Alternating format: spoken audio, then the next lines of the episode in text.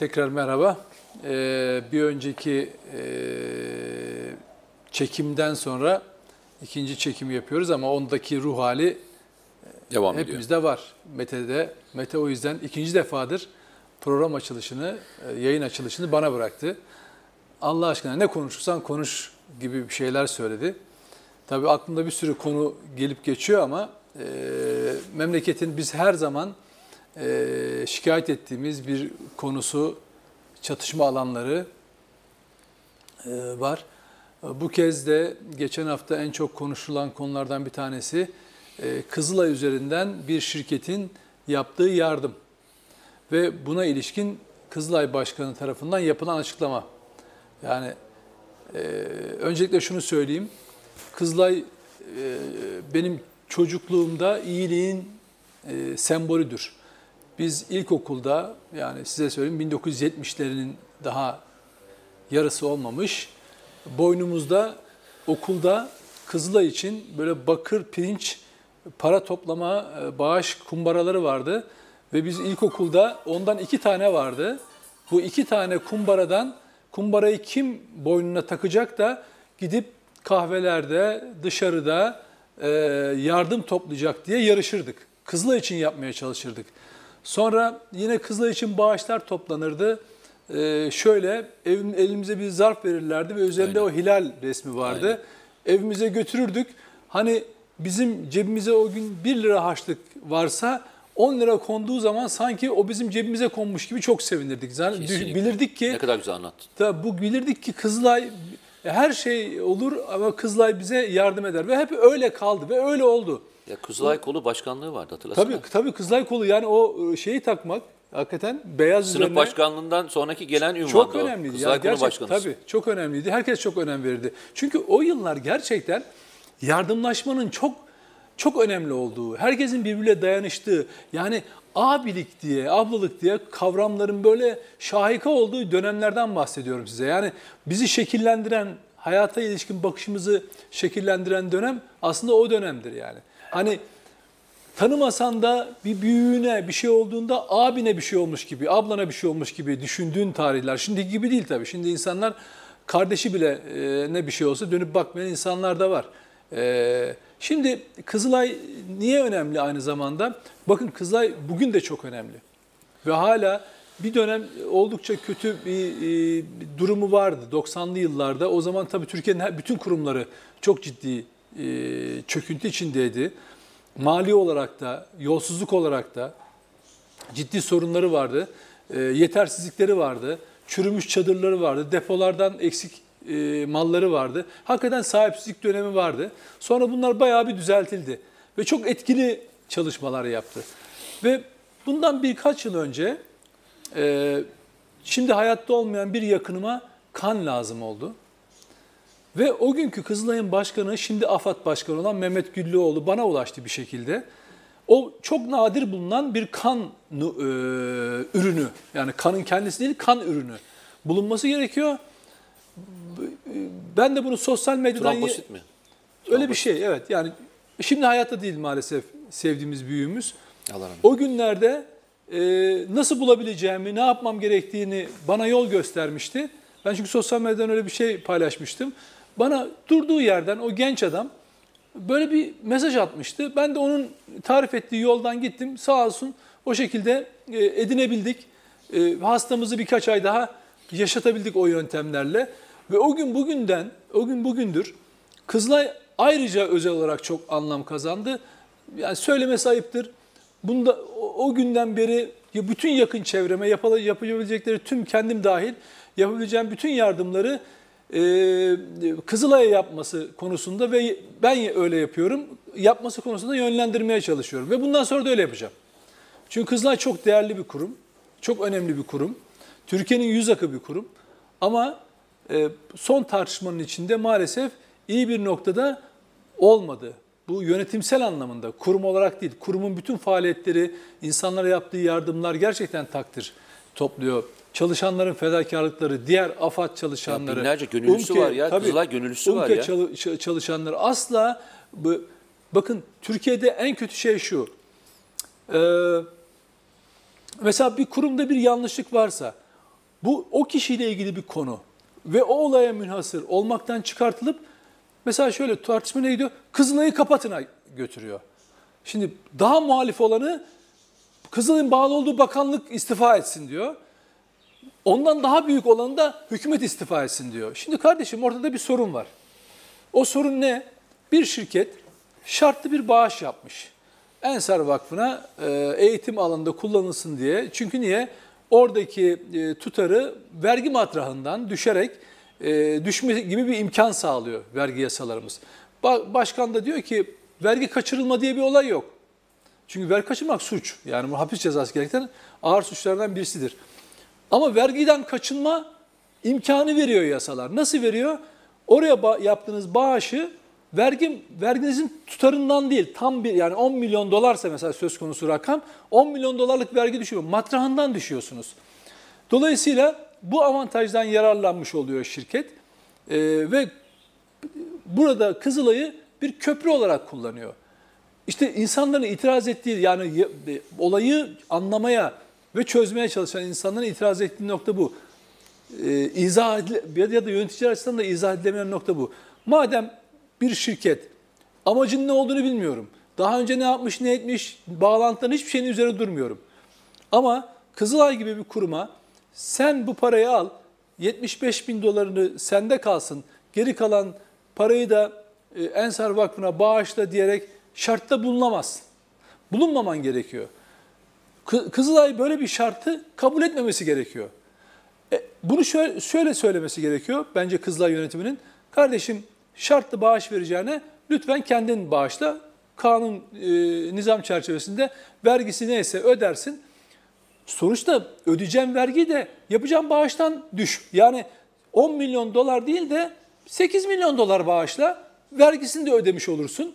Bir tartışmada olmaz. Peki Kızılay'a niye bunu sirayet ettiriyorsun? Kızılay gibi bir kurumu neden köprü olarak kullanıyorsun? Ve bunu başkanı da çıkıp ya ver kaçırılmadı ama kaçın, kaçınmak diye bir durum var diye niye izah etmek zorunda kalıyor? Ben o yüzden bununla ilgili tepkimi evet vergi kaçınmak, ver kaçırmak suçtur ama Kızılay gibi güzide bir kuruluşu köprü olarak kullanmak bu amaç için bir cambazlıktır, bir ahlaksızlıktır. Buna aracı olmamak lazım. Yani ve çıkıp bu konuda özel eleştiri yapmak lazım. Ne kadar iyi işler bakın ne kadar iyi işler yapıyorsunuz. Ne kadar güzel işler yapıyor Kızılay. Dünyanın her yerine e, yardım götürmeye çalışıyor. Biz de inanın ki yurt dışına dahi yapacağı şeylerde bütün çevremde hep onu anlatmaya çalışıyorum. Bunu yapın. Şu. Niye? Çünkü bir zamanlar bu yardım alanını çok suistimal eden ahlaksızlar türediler. Vakıflar işte en, en önemlisi biliyorsunuz FETÖ'cüler aldılar paraları. Ne yaptıkları belli değil. İnsanların kurbanlarını, derilerini, bağışları ne yaptıkları belli değil. E, ama ona karşı devletin e, gözetiminde özel bir kuruluş var. Kızılay. Dolayısıyla o Kızılay'ı hani biz nasıl korumaya çalışıyorsak yöneticilerinin de koruması gerekiyor. Bağış yapanın da yani Allah aşkına helal olmayan paranızı Kızılay'a bağışlamayın. Yani o paralar eğer helal değilse de, eğer namuslu para değilse de oraya da bağışlamayın. Kendinizi onun üzerinden, ben kimseyi itham etmiyorum. Yanlış anlamasınlar. Bu olayla ilgili de, bu olaya ilişkin de söylemiyorum. Ama Kızılay'ı her şeyin ötesinde tutmanız gerekiyor. Çünkü neden?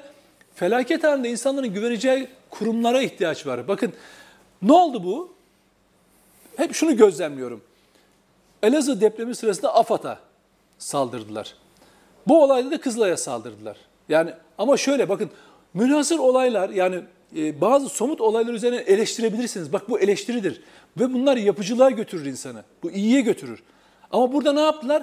Toplumun güveneceği AFAD ve Kızılay gibi kurumlara saldırarak onların gereksiz olduğunu, niye yapmaya çalışıyorlar bunu?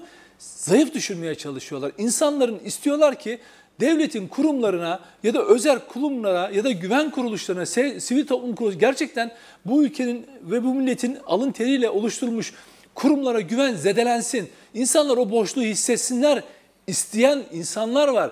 Ne kadar bu çoğalır, işte bu sizin inancınıza da, bayrağınıza da, ülkenize de mesela hep şunu söylüyor. Vergilerimizle, vergilerimizle, işte vergilerimizi alan, vergilerimizi yiyen, çalan. Niye bunu yapıyorlar? Çünkü o kişinin ödediği vergi her şeyi finanse etmiyor. Ama sizin içinizdeki moral desteği, moral direkleri sarsmaya çalışıyorlar. Ha o yüzden eleştirinizi yapın, Bunu belirtin, yazın, çizin ama kurumlara olan inancınızı kaybetmeyin. Neden biliyor musunuz? Biz de geçeceğiz. Şu andaki başkan da geçip gidecek. Ama o kurumlar bugün size lazım olmazsa yarın çocuğunuza lazım olacak. Aynen öyle. Ee, maalesef e, Türkiye'de e, belli bir grup e, eleştirmek, yani eleştirebilirsin, eleştiri de yapıcıdır. Aslında her eleştirilen kurum da e, bir şekilde kendisini revize edip daha Tabii. da güçlenerek çıkar. Ama eleştirmek gaye ise e, anlamlı. Ama eleştirmek diye bir şey yok ki. Yani adam mesela bir şey söylüyor, bir suçlamada bulunuyor. E, o suçlamanın aksini söylüyor adam. Diyor ki yok kardeşim yani söylediğinizin gerçekliği yok. Bu başka bir şeydir. Bu Kızılay davası için söylemiyorum. Burada konuşulacak ve savunulacak hiçbir taraf yok. Yani savunmak da bizim görevimiz değil. Ama bizim savunduğumuz şey Kızılay'ın kendisi. Şahıs bizi hiç ilgilendirmiyor. Yine çok güzel hani başladığın için söyleyeceğim. Ee, onun içine konan parayı aynen e, ben nasıl anlatırdım desem herhalde Kızılay'ı böyle anlatırdım. Ben de öyle anlatırdım. Yani e, çok küçük bir o zaman hatırlıyorum 25 kuruş falan civarı. Tabii, tabii. 25 kuruş cebimize haçlık verirdi babam öyle hatırlıyorum ben. 25 kuruş da e, işte bir simitle bir Tabii, tabii. gazoz alırsın. Ee, işte 10 lira konduğunda e, daha da koy derdik. Hani baba daha da koy. Tabii. Daha da koy. Şu- Ve bunlar kapatılıp verilirdi. Kimsenin orada açılıp yani Mete Yarar'dan 10 lira ondan 5 lira denmez. O kapalı zarfla toplanır, tutanakla imzalanır ve giderdi hatırlarsın. Tabii. Kimse ne kadar para verdi ama sen bilirdin. Onun verilmesinin sana bir e, müthiş bir duygusu vardı. Biz kurumu biz kurumu koruyoruz. Aslında anımızı koruyoruz ben Tabii, sana o söyleyeyim. Aynen, çok Biz doğru. anımızı koruyoruz. Çok hoşsun. Tamam? Gerçekten çok hoş bir şey tanımlama yaptın. Ee, dediğin gibi zarflar kapalı ama biz arkadaşlar arasında sen kaç lira verdin, sen kaç lira verdin biz biliriz ya. Kendi, birbirimize amiyane tabii hava atardık. 10 lira, aa o 10 lira vermiş, o 5, ben 5 lira vermişim çok az olmuş falan. Ben bir dahaki sefere bekliyorum daha çok vermek için. Yani öyle bir Yani e, öyle bir dediğin gibi. duyguydu. O Evet. duyguyu, o duygularımız, anılarımızın çok önemli bir parçası Kızılay. Ve hani bugünlerde eskiden AFAD yoktu. AFAD diye bir kurum yoktu. Eskiden ilk yardıma gelen e, işte sel olsun şey olsun hep Kızılay gelirdi hatırlarsan. Kızılay çadırını görürdün. O Kızılay çadırını görmek demek devletin geldiği anlamına gelirdi. O Kızılay çadır devletti. ilkokul kitaplarımızda hep Kızılay'ın resimleri vardı ya. Yani öyle. imajımızda yani yaş- onu yaşamadık. Belki ben hiç Kızılay çadırı kullanmadım. Ama Allah da yaşatmasın. onun olduğunu biliyorum. Yani ben mesela e, 99 depreminde de Kızılay çadırlarını gördüğüm zaman rahat İşte onu ediyorum. ya. O bir standart, Yani o bir devlet güven. gel, evet. yani devletin geldiğini biz Kızılay'dan anlardık. Evet. Devlet Kızılay'dı o zaman. Evet. Hani bazen e, kurumlar e, başka bir misyon üstlenir ya bu misyon da öyleydi. O yüzden hani hiç kimsenin e, bu kuruma e, ve binlerce gönüllüsü var. Hiç kimse para falan almıyor. Tabii. Çok sevdiğim iki tane abim e, Kızılay'ın e, Kızılay'da başkanlık yapmıştı. Onların dönemini de hatırlıyorum. O dönüşüm döneminin mimarlarıydı. Bu bir iki öncesinde o 99'dan sonraki yapılan olayları hatırlıyorum. Çok çaba sarf ettiler ve ceplerinden harcadıklarını biliyorum ben. Kızılay gönüllüsüydü. Cebinden harcıyordu. Yani arabasına benzinini kendi koyar, e, bütün faaliyetleri kendisi organize eder. Tamamen gönüllülük esasına. Şimdi gönül kırıklığı denen bir şey var ya kardeşim hiç kimsenin görevi değil. Ee, başkasının e, verdiği paranın hakkını savunmak. Senin savunman gereken Kızılay. Tamam. mı?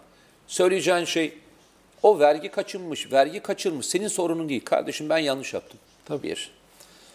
Bunun bu bana uygulama hakkı veriyor ama ben bunu yapmamalıydım. Deyip öz eleştirini yapacaksın kardeşim. Ve şeffaf olarak da bunu açıklayacaksın. Bak Türkiye'de iki tane kurumun ne kadar önemli olduğunu bir kez daha anladık. Birincisi Sayıştay, ikincisi vakıfların genel müdürlüğü. Biliyorsun vakıfları onlar denetliyorlar ya, vakıfların işlemleri, yaptıkları faaliyetler ve diğerleri. Bu ikisinin şeffaflığı Türkiye'de eee, bu tür olayların önüme geçmek için çok önemli.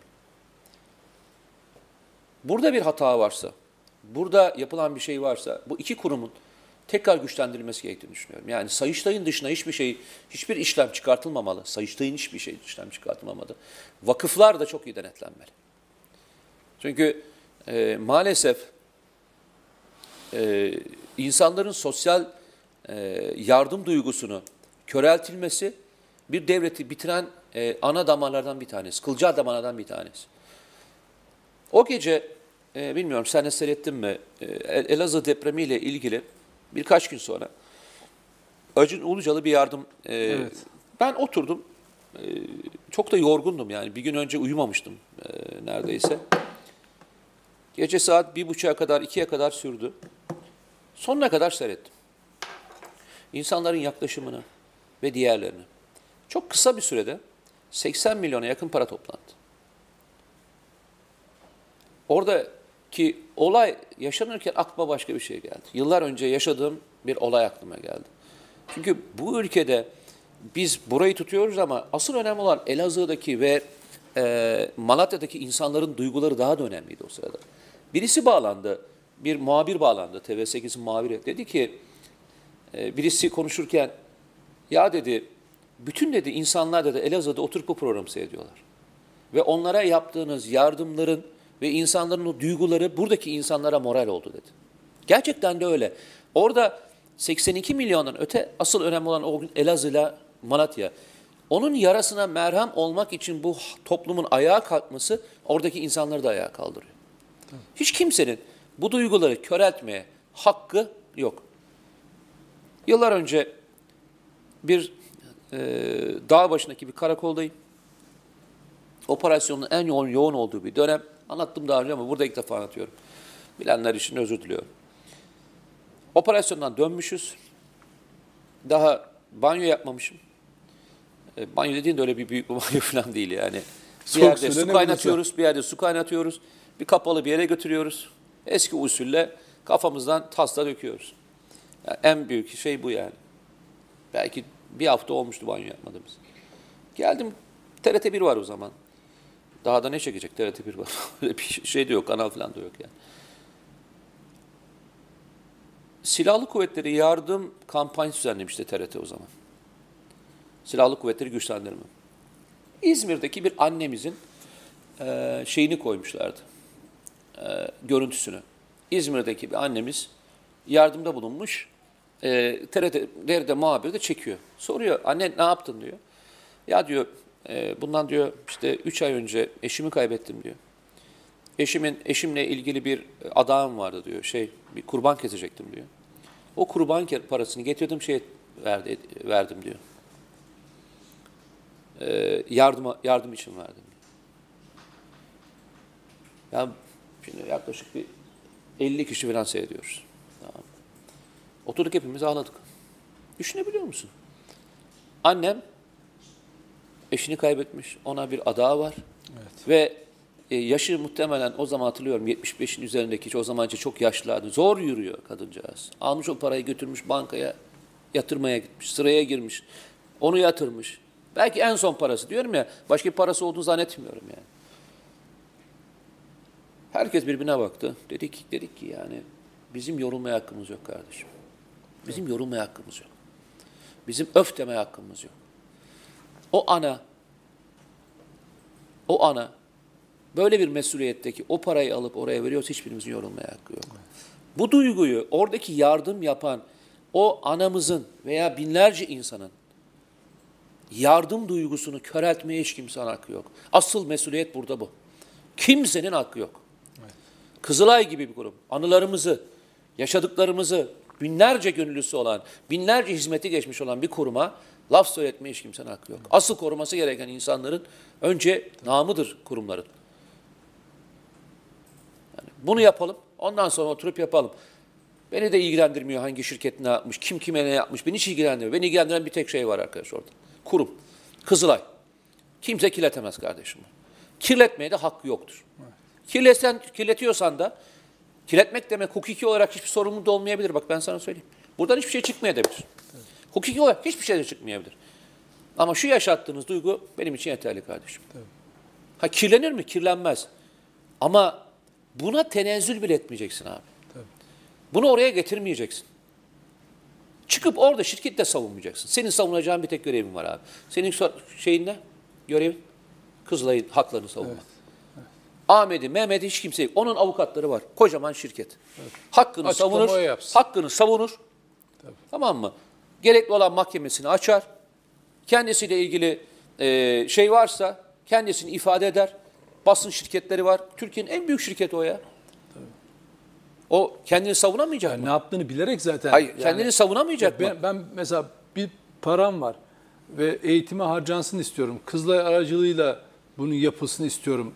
Yeddemin gibi hani güvendiğim bir kurum olarak aklıma asla şartlı bir sözleşme yapmak veya e, bir kurum ismi bahsederek, vakıf ismi bahsederek oraya bağışlayın demek gelmez. Ya bunu yapıyorsa sizin sezgisel olarak hem de tutar öyle böyle değil. 10 milyon Bak dolar. şartlı yapabilirsin. Bak o şart ne biliyor musun? Ben sana söyleyeyim. Bak şart ne söyleyeyim sana. Şöyle şart koyabiliyorsun. Ben sana diyorsun ki bunu yapıyorum. Kızılay bir tane yurt yapsın. Kızılay yurt yapsın diyorsun. Ama ismine Ahmet diye koysun. Bunu yapabiliyorsun. Böyle şart koyabiliyorsun ama şu şart koyamıyorsun. Ben sana vereyim bunun paranın tamamını buraya aktar diye şart koyamazsın. Kızılay yapsın diye veriyorsun. Ha Kızılay'a verirsin. Örnek vereyim. Biz okul yaptırıyoruz. Okul içinde e, şartlı imza alıyorsun. Orada bir şey yok. Hayır diyorsun ki Tabii. bir tane şöyle bir okul yapılsın, ismi de şu olsun diyorsun. Orada Tamam, bitti. problem yok. O, o kuruma dahil. Ama o Ama işte sen o- bu parayı al oraya gönder. işte, hayır şartlı verebilirsin ama şartlı devir konusu sıkıntılı. Tabii, tabii, tabii. Tamam? Hiç gereksiz gereksiz bir tartışmaya girdiler. Neyse Yani- herhalde süremiz bitti galiba değil mi? Çok e, bu haftayı böyle kapatıyoruz. İstersen iki sefer ben açtım. Mete kapatsın Yok, bu ben hiç sefer. kapatmayayım. Kapanmayacak çünkü. Ya kapanmayacak. Yani e, İdlib'deki yine oraya geleceğim. Benim için bitmiyor. İdlib'e giden askerlerimiz e, görev yerlerine gitti de gözlem noktalarına gittiklerinde işte 6 aylık e, sürelerle veya işte zaman zaman bazen değişiyor, bazen uzatılıyor, bazen kısaltılıyor. Ama gidiyorlar, bir yere giriyorlar. Yani bir gözlem noktasına giriyorlar. Ve görev süresinin sonuna kadar da orada kalıyorlar. Daha sonra görev bitimine tekrar geri dönüyorlar. Aylarca ailelerini görmüyorlar. Aylarca ailelerinden uzak bir ortamda yalnızca telefonlarla e, görüşebiliyorlar. Kimisinin çocuğu oluyor, kimisinin işte cenazesi olduğuna filan e, ancak e, eğer mümkünse aldırabiliyorlarsa ikmal araçlarıyla geri çekebiliyorlar. Ama onun dışında ben izne gitmek istiyorum, tatile gitmek istiyorum. Çok da fazlası uygulanan bir yöntem değil bu kadar e, görev yapan askerlerimiz hep aklıma onlar geliyor. Yine dönüş dolaştım ben İTİB'e geldim. Allah onlara yar ve yardımcısı olsun. Ailelerine e, sabırlar diliyorum. Her türlü konuda olduğu gibi 82 milyon haklının yanında. Öyle diyeyim ben size. Haklının yanında. Bakmayın. E, memlekette eğri de olacak, doğru da olacak. Eğriler için doğruları görmezden gelmekten vazgeçmeyeceğiz. Eğrileri de söyleyeceğiz ama doğruların orada durduğunu, doğruların adının olmadığını, doğruların isminin olmadığını eee, biz teker teker hatırlatacağız. Doğru mu? Evet. Doğruları hatırlatacağız. Teşekkür ederiz. Eyvallah.